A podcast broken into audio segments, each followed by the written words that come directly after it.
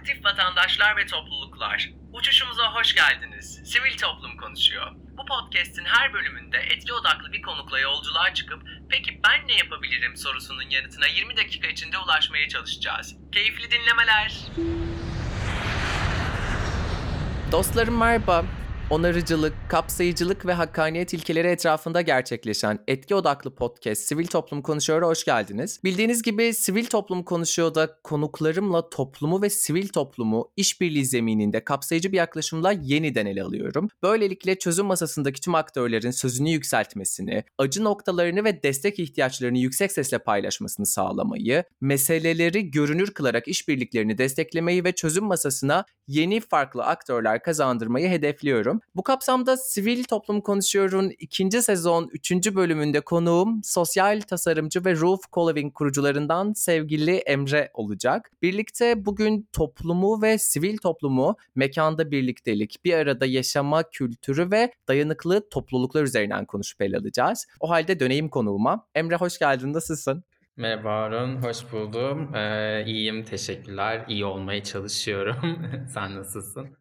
Artı bir ben de iyi olmaya çalışıyorum. Tabii ülke geçtiğimiz dönem itibariyle tansiyonu yüksek bir dönem bu dönem malum birkaç gün sonra e, Cumhurbaşkanlığı ikinci tur seçimleri var. Açıkçası ben bugün bu kaydı birlikte aldığımız için mutluyum Emre çünkü Roof Co-Living ekseninden bir aradalık üzerine konuşmak özellikle de kutuplarımızın arasının böylesine ayrıldığı bu dönemde bana iyi gelecek, mutluluk verecek diye düşünüyorum. Akışta Emre öncelikle biraz kendimdeki seni, bendeki karşılığını ve insanların seni nasıl tanıdığını anlatacağım. Sonra da sorularımıza geçeceğiz olur mu? Tabii tabii olur. Süper. Arkadaşlarım Emre Roof Co-Living'in kurucularından söylediğim gibi sosyal etki üretim pratiklerini sürekli sorgulayan disiplinler üstü bir sosyal tasarımcı Emre. 2014 yılından bu yana sivil toplum kuruluşlarının çalışmalarında tasarımcı kimliğiyle yer alıyor. Toplumsal cinsiyet eşitliği ve gençlik hakları ile başlayan sivil alan yolculuğu, sivil katılım, aktif yurttaşlık gibi konularda derinleşerek devam ediyor.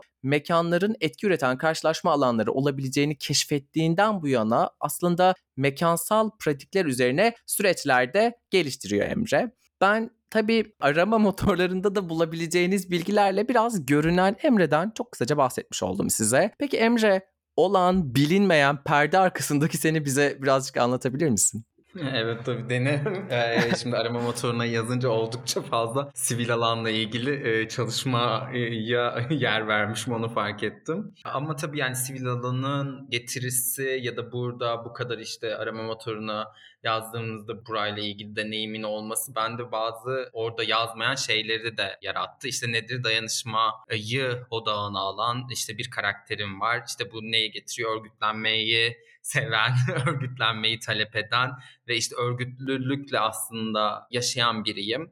Ki bu benim kişisel hayatımda da çok fazla yansıyor. Çok yakın zamanda işte doğduğum büyüdüğüm yerden taşınıp başka bir şehre geçmiştim ama e, orada örgütlenemediğim için mesela yapamadım ve geri döndüm gibi. İşte arkadaşlarıma evde yemek yapmayı, misafir olarak ağırlamayı falan seven bir karakterim. Belki Roof Co-Living'deki e, bu konaklama şeyimiz oradan da geliyordur bilemiyorum. Oldukça heyecanlı biriyim. Yani e, yeni, farklı, alışagelmişin dışında aslında şeyler gördüğümde, keşfettiğimde hızlıca heyecanlanabiliyorum. Öyle söyleyeyim. Sanırım genel olarak Emre böyle. Ha belki de şey de söyleyebilirim. Yani hobi mesela hobilerimi düşündüğümde bu soru geldiğinde yağlı boya yapmak benim mesela hobimdi. Yani genel böyle yaptığım aktiviteleri vesaire düşündüğümde çizim yapmak, yağlı boya yapmak falan benim hobimken aslında ben disiplin olarak yani bu tasarım disiplinden gelmiş biri değilim. Ya da çizer ya da işte sanatla ilişkisi olan bir disiplinden gelmiş değildim. Bu hobilerimi işte alandaki deneyimlerle birleştirdikten sonra işim oldu birazcık da yani görsel iletişim tasarım tarafından.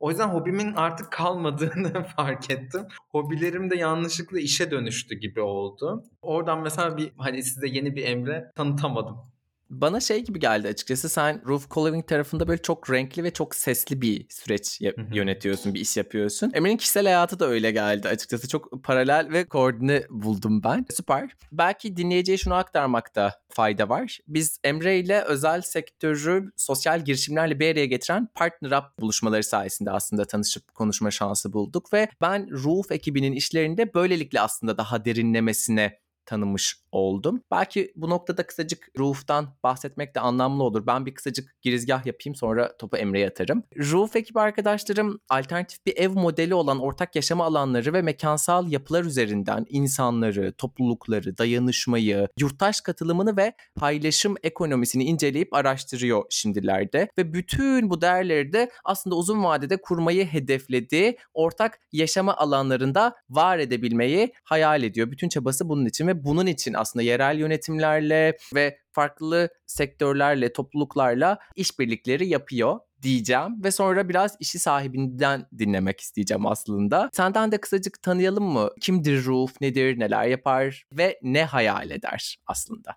Evet, aslında çok güzel de anlattın. Hani bizim çalışmalarımızı böyle bir özet geçmişte oldu. Roof 2019'dan beri özellikle gençlerin ve genç profesyonellerin Türkiye'de yaşadığı barınma sorununa, konaklama sorununa yönelik alternatif çözüm önerisi olan ortak yaşam alanları yani co-living space olarak bildiğimiz ortak yaşam alanlarını çözüm olarak geliştiren bir sosyal girişim. Farklı kimliklerimizde, disiplinlerimizde bir arada yaşayabildiğimiz, yaşarken yaşadığımız alana demokratik olarak katılabildiğimiz, yani yaşadığımız alanda söz hakkı sahibi olduğumuz ve bir toplulukla birlikte yaşadığımız, birlikte öğrendiğimiz yeni nesil yaşam alanları mümkün olabilir mi? Aslında bunu tabandan örgütlenerek, ihtiyaçları anlayarak bölgenin ve nüfusun işte yurttaşların ihtiyaçlarını ve davranış biçimlerini analiz ederek aslında kurmaya çalıştığımız bir barınma modeli, bir yeni nesil yaşam e, alanı aslında olarak tanımlıyoruz. E, tabii bir, yani Türkiye'deyseniz, gençseniz ve konut çalışıyorsanız işiniz pek de kolay değil. Çalıştığınız konut modelleri de eğer sosyal etki üretme adınaysa çok kolay değil. Çünkü işte bildiğimiz gibi Türkiye'de inşaat sektörü ve iktidar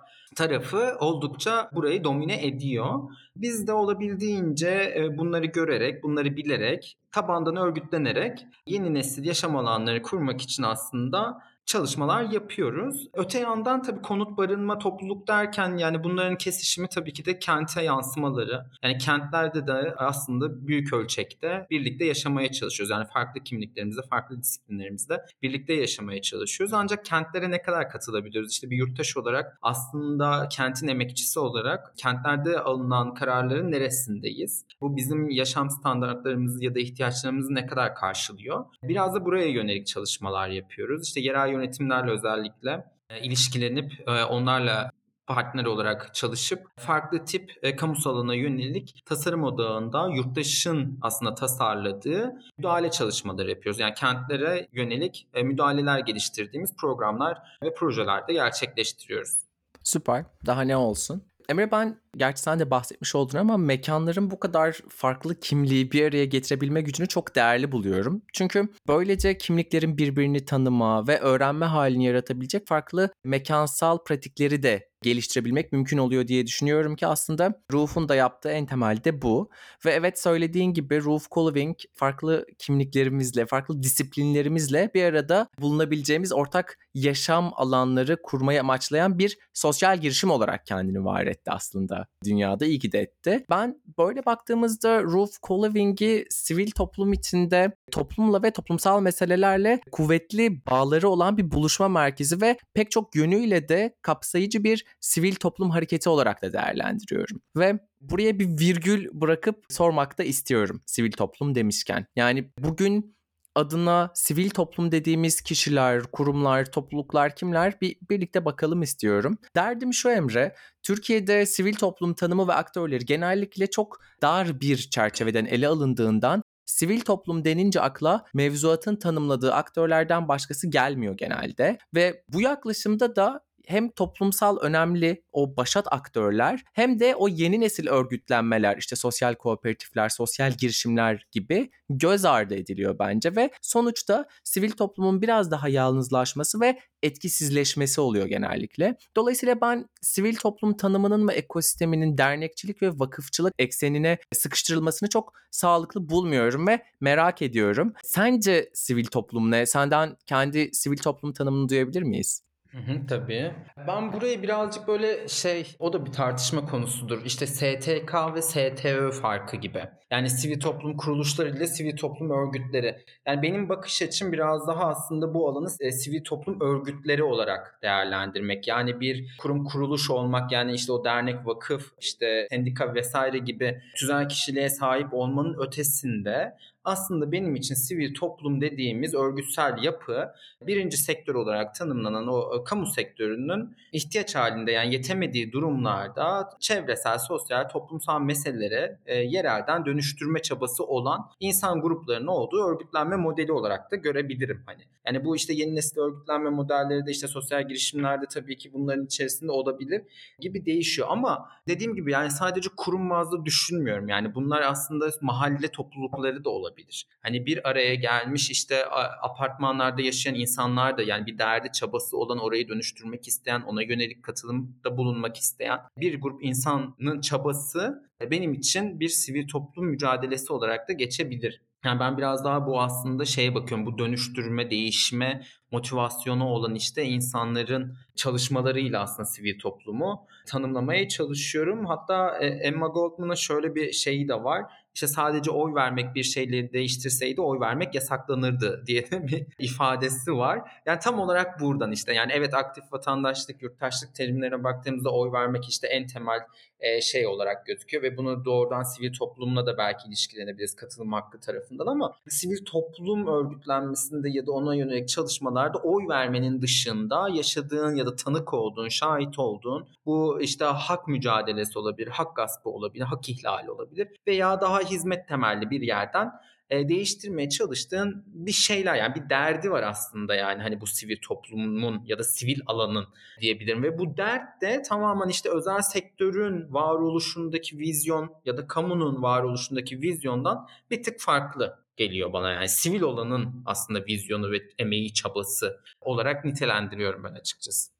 Çok iyi çerçeve ettim bence. Benim de aklıma hep şey gelir. Hep toplumsal bir dönüşümden bahsederken başlangıç noktası böyle niyet, gayret ve dönüşüm deriz ya aslında. Bugün de aslında hem dünyanın, gezegenin hem de Türkiye'nin pek çok meselesi var ve pek çok da farklı örgütlenme tipi var mevzuatın içinde yer alan, almayan. Mesele mesele sahibi olmak ve bunun için harekete geçmek aslında en temelde. Sivil toplum tanımını ben de böyle bir yere konumluyorum. Ve biraz tekrar aslında genelden özele senin yolculuğuna da gelecek olursam Emre görüyorum Ruf olarak önce topluluk sonra mekan. Evet galiba buydu. Bu anlayışla dayanıklı ilişkiler geliştirmeye, kolektif etkiyi güçlendirmeye çabalıyorsunuz ve bunun içinde topluluk odaklı işte çemberler, atölyeler, buluşmalar ve projeler gerçekleştiriyorsunuz ve burada yaptığınız şey de ev kültürünü bugün açılışta da bahsettin. Kişiye özel olmaktan çıkarıp müşterek bir hayata dönüştürmek aslında ki ben bunu çok değerli buluyorum. Çünkü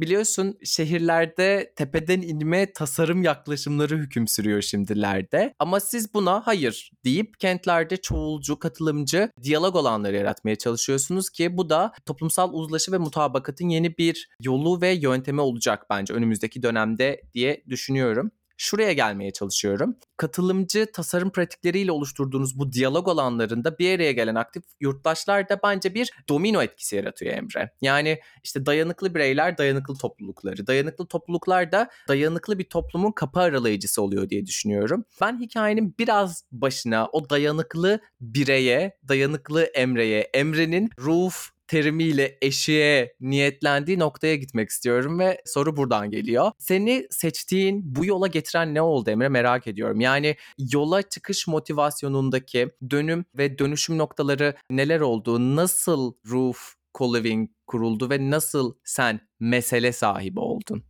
Hı hı. Evet. Biraz bunun için 18 yaşındaki Emre'ye geri döneceğiz. Hadi yapalım bunu.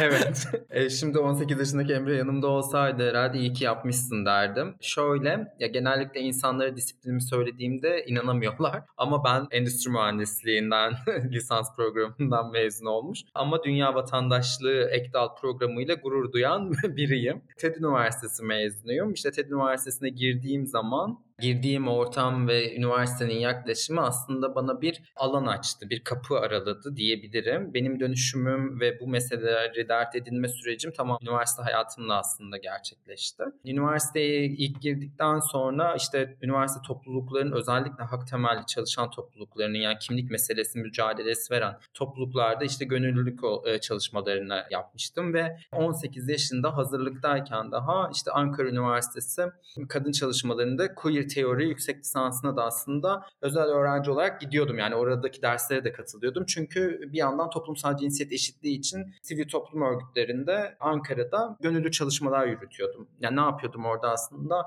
Dijital medyada nefret söyleminin yıllar içerisindeki değişimini analiz edebilmek için işte ajansların yolladığı haberleri değerlendirip böyle bir raporlama çalışması yapıyorduk. Bu raporlama çalışmasıydı işte sonra lobicilik faaliyetleriyle aslında nefret söylemlerine yönelik mücadele çalışmalarını gerçekleştiriyorduk. Yani buradan başlayan bir sivil alan hem kariyer hem de aslında o işte özümsediğim, değer olarak gördüğüm Emre'nin aslında şeyini oluşturan korunu oluşturan, çekirdeğini oluşturan şey de e, TED Üniversitesi'nde bu alanı keşfetmiş olmam ve üniversitedeki hocalarım sayesinde aslında buraya yönlendirmem. Sonrasında işte sivil alan deneyimlerim beni e, gençlik haklarına e, yöneltti. Orada çalışmalar gerçekleştirdim. Sonra TED Üniversitesi'nde 2018'de ben İstasyon TED, TED Üniversitesi Sosyal Girişimcilik Merkezi ile, Sosyal İnovasyon Merkezi ile tanıştım. Tanışmam da e, şeydir yani biraz böyle e, güzel bir anıdır. Üniversitemizin öğrenci dekanı e, benim elimden tutup İstasyon TED'ye götürdü. Dedi ki bu okulda böyle bir e, inovasyon merkezi kurulacak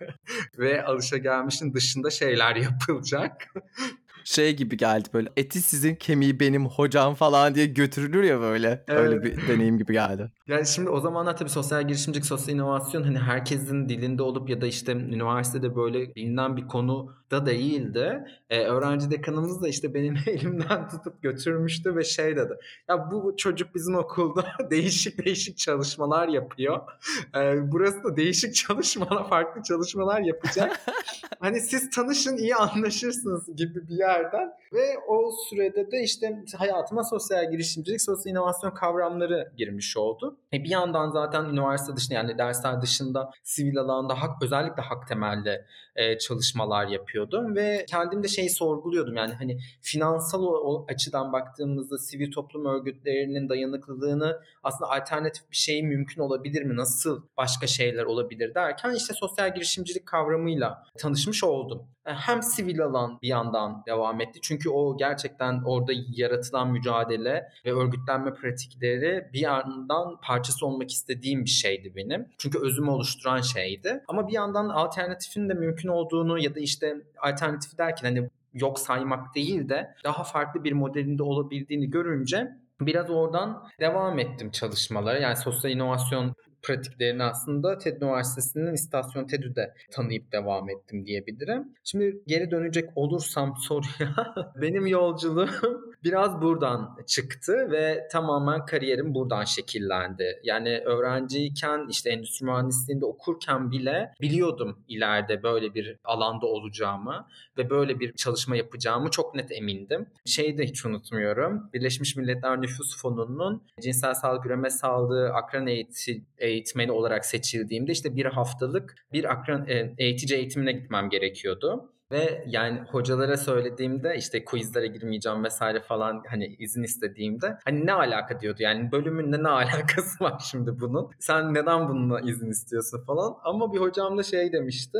"E şimdi ben sana izin vermesem gitmeni engellesem sen yine gideceksin biliyorum. O yüzden sen kabul edildiğine dair bir belge getir seni muaf hani quizlerini sonra yapacağım falan diye. Yani artık hocalarım bile anlatabiliyor muyum? Yani benim yani geleneksel ya da ana akımda bildiğimiz hani endüstri mühendisi olmayacağımın farkındalardı. Yine bir derslerden örnek vermek gerekirse bir lojistik dersimiz vardı mesela. Herkes işte şirketlerin özellikle bu taşımacılık yapan kargo şirketlerin süreçlerini, lojistik süreçlerini iyileştirmeye çalışırken ben İbrahim Betin'in kurucusu olduğu işte e, bir derneğin Afrika'da daha az maliyette daha fazla insana nasıl su götürebiliriz, su kuyularını daha verimli nasıl açabiliriz diye modelleme çalışması yapıyordum. Yani hep hep bir meseleyi yani ne yapıyorsam hep bir o e, sosyal etki meselesini odağına koymaya çalışıyordum. Evet ben şimdi senden Roof'la ilgili tarafı tekrar bir rica edebilirim bir es vererek.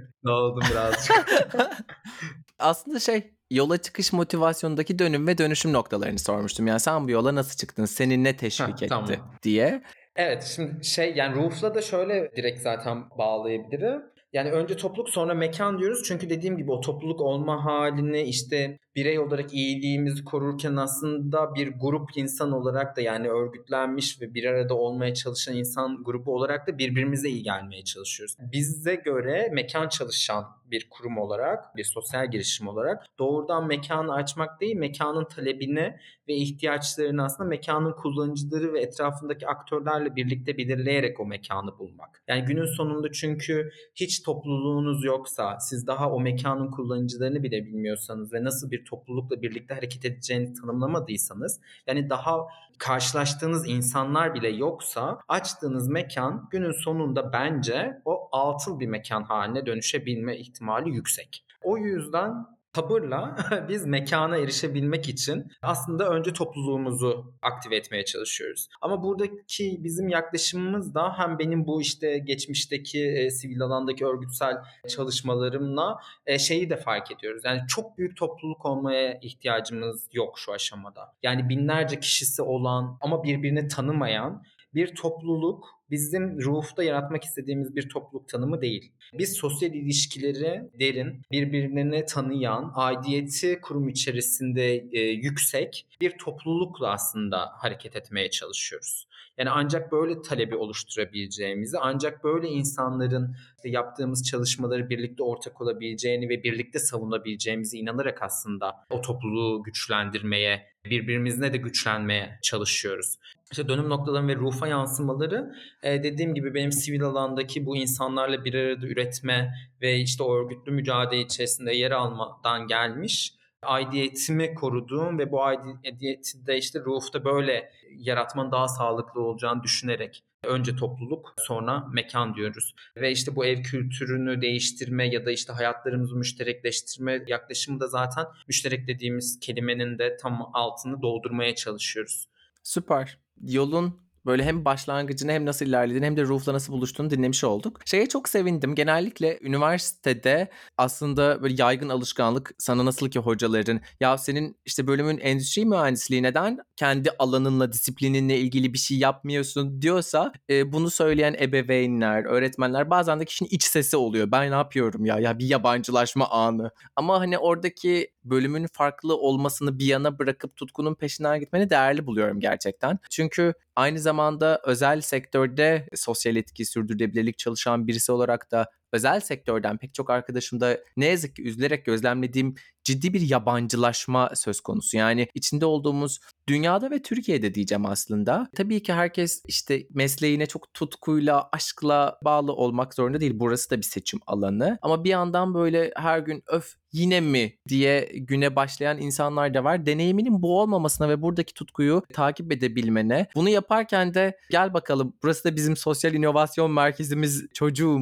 diye yani birilerinin etrafında olmasına sevindim açıkçası. Yanı sıra şey de sevindim yani başlangıç noktasının da sosyal sorumluluk değil sosyal inovasyon olmasına da sevindim böyle daha one shot bir yaklaşımdansa yeni ne yapabiliriz ve burayı nasıl girişimciliğe dönüştürebiliriz? Çünkü aslında oradaki bakış açısı ve kazanımlar bence Rolf Kolleving'in fikirsel temellerini zihninde oluşturmuş öyle gördüm. Süper. Şimdi biraz Rolf Kolleving'e daha yakından bakma zamanı, acı noktalarına ve aslında desteğine ihtiyaç duyduğunuz aktörlere. Bugün e, üzerine konuştuk. Rolf yaşam alanlarına yönelik aslında kapsayıcı, insan merkezli, katılımcı ve yenilikçi yaklaşımlar geliştirmek üzere pek çok proje üretiyor. Biliyorum bu işler içerisinde işte küçük ölçekli müdahalelerle yurttaşların kent çalışmalarına yönelik bilgi ve becerilerini geliştirebilmek de var. Toplu barınma alanlarının iyileştirilmesi yahut yeni toplu barınma alanlarının oluşturulmasında yurttaş odaklı mekan tasarımlarının yapılması da ya da gençliğin barınma sorununa dair kolektif bilginin üretilmesi de var. Bütün bu işler çok güzel ama eminim kolaylıkları olduğu kadar zorlukları da vardır. O yüzden resmin biraz da gerisine giderek soruyorum Emre. Değer önerisini bolca konuştuk Roof Colving'in ama acı noktalarını ve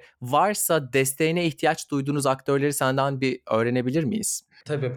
Aslında en acı noktası belki de az önce bahsettiğim bu çalışma alanının motivasyonu yani şey aslında ben her sabah uyandığımda böyle çok da mutlu iyi ki burada çalışıyorum diye uyanmıyorum. Şöyle ben bu alanda çalışmak zorunda bırakılıyorum.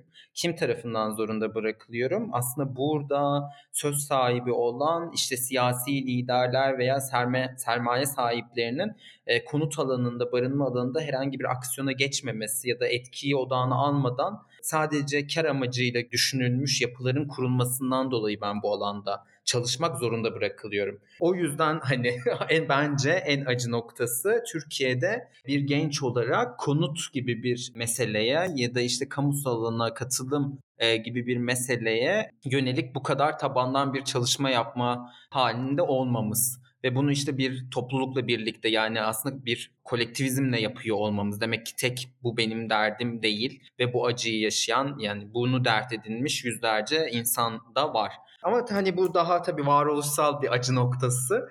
Daha böyle hani çalıştığımız şeylerde net acı noktalarına baktığımız zaman değişimin dönüşümün Türkiye'de oldukça yavaş olması. Yani Türkiye'de şu an etki odağında herhangi bir ortak yaşama alanı yok. Yani etki iyi odağını almış ve o işte barınma sorununu çözmek isteyen bir ortak yaşama alanı yok. O yüzden de şimdi biz bunları anlattığımızda, bu modelleri gösterdiğimizde geçmişte en çok yaşadığımız şeyler e, bir kere genç kimliğimizden dolayı karşılaştığımız ayrımcılık oluyordu veya işte model anlattığımızdaki yenilikçi olması işte Türkiye'de çalışmayacağına yönelik böyle bir geleneksel tutum ve sınırlar bizim için en fazlaydı. Hiç unutmuyorum bir kamu temsilcisi kızla erkekli beraber mi yaşayacaksınız diye söylemişti.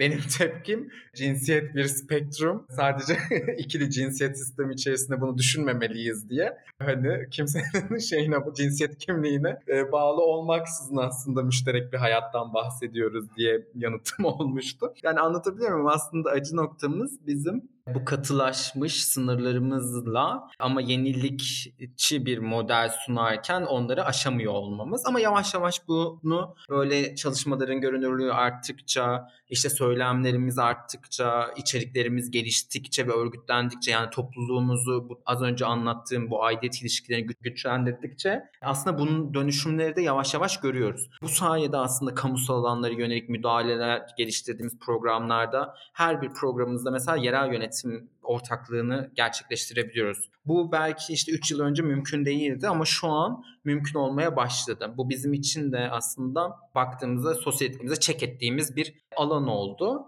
Tabii bir yandan işte buraya kaynağın ayrılmaması, işte katılım meselesi üzerine aslında baktığımızda en kritik noktalardan biri bence katılım. Yani özel sektör olsun ya da işte kamu kurumu olsun. Siz tepeden inme bir karar aldığınızda o tabii ki de e, kurum içerisindeki insanların ya da işte etki alanındaki aktörlerin dokusuna uymayabilir. Yani siz onların çünkü davranış biçimlerini, ihtiyaçlarını, isteklerini, taleplerini bilmeden aldığınız sadece kişisel hani gayretinizle aldığınız bir karar tabii ki o dokuya uymaz ve aldığınız karar çalışmaz ya da çalıştığı zaman da insanlar üzerinde negatif etkisi olur. İşte o katılıma yönelik bir kaynak ayırma ya da bunu işte odağına alma bir stratejik hedef olarak belirleme gibi gibi şeyler de bizim birazcık böyle acı noktalarımız olabiliyor. En çok mesela destek duyduğumuz taraf tabii bu deneyimlerden sonra şeyi fark ettik onu da söyleyebilirim. Baktık ki böyle sermayedarlarla olmuyor. E, gücü elinde tutanlarla baktık ki olmuyor. Genciz, güzeliz diyerekten kapı dışı ediliyoruz falan. Ya da saçma sapan yorumlarla karşılaşıyoruz. Dedik ki bu okey.